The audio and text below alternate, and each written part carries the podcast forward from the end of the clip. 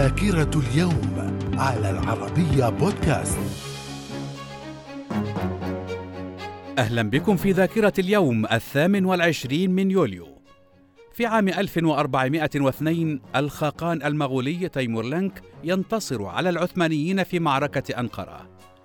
في عام 1914 الإمبراطورية النمساوية المجرية تعلن الحرب ضد مملكة صربيا بعد أن قتل شبان صرب ولي العهد النمساوي فرانز فرديناند وأدى ذلك إلى اندلاع الحرب العالمية الأولى. من الذاكرة. في عام 1928 افتتاح دورة الألعاب الأولمبية في أمستردام التي فاز فيها مصريان بأول ميداليات ذهبية يحصدها عرب في الدورات الأولمبية. في عام 1943 مدينة هامبورغ الألمانية تتعرض لأسوأ قصف هجومي من قبل الطائرات البريطانية ما أدى إلى اشتعال النار في المدينة ومقتل 42 ألف مواطن مدني ألماني.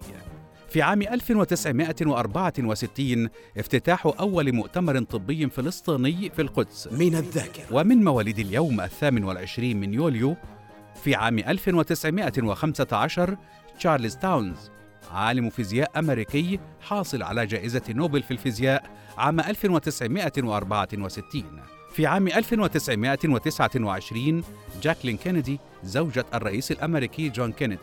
في عام 1954 هوغو تشافيز رئيس فنزويلا. من الذاكرة. ومن وفيات اليوم الثامن والعشرين من يوليو في عام 2002 آشر مارتن عالم كيمياء إنجليزي.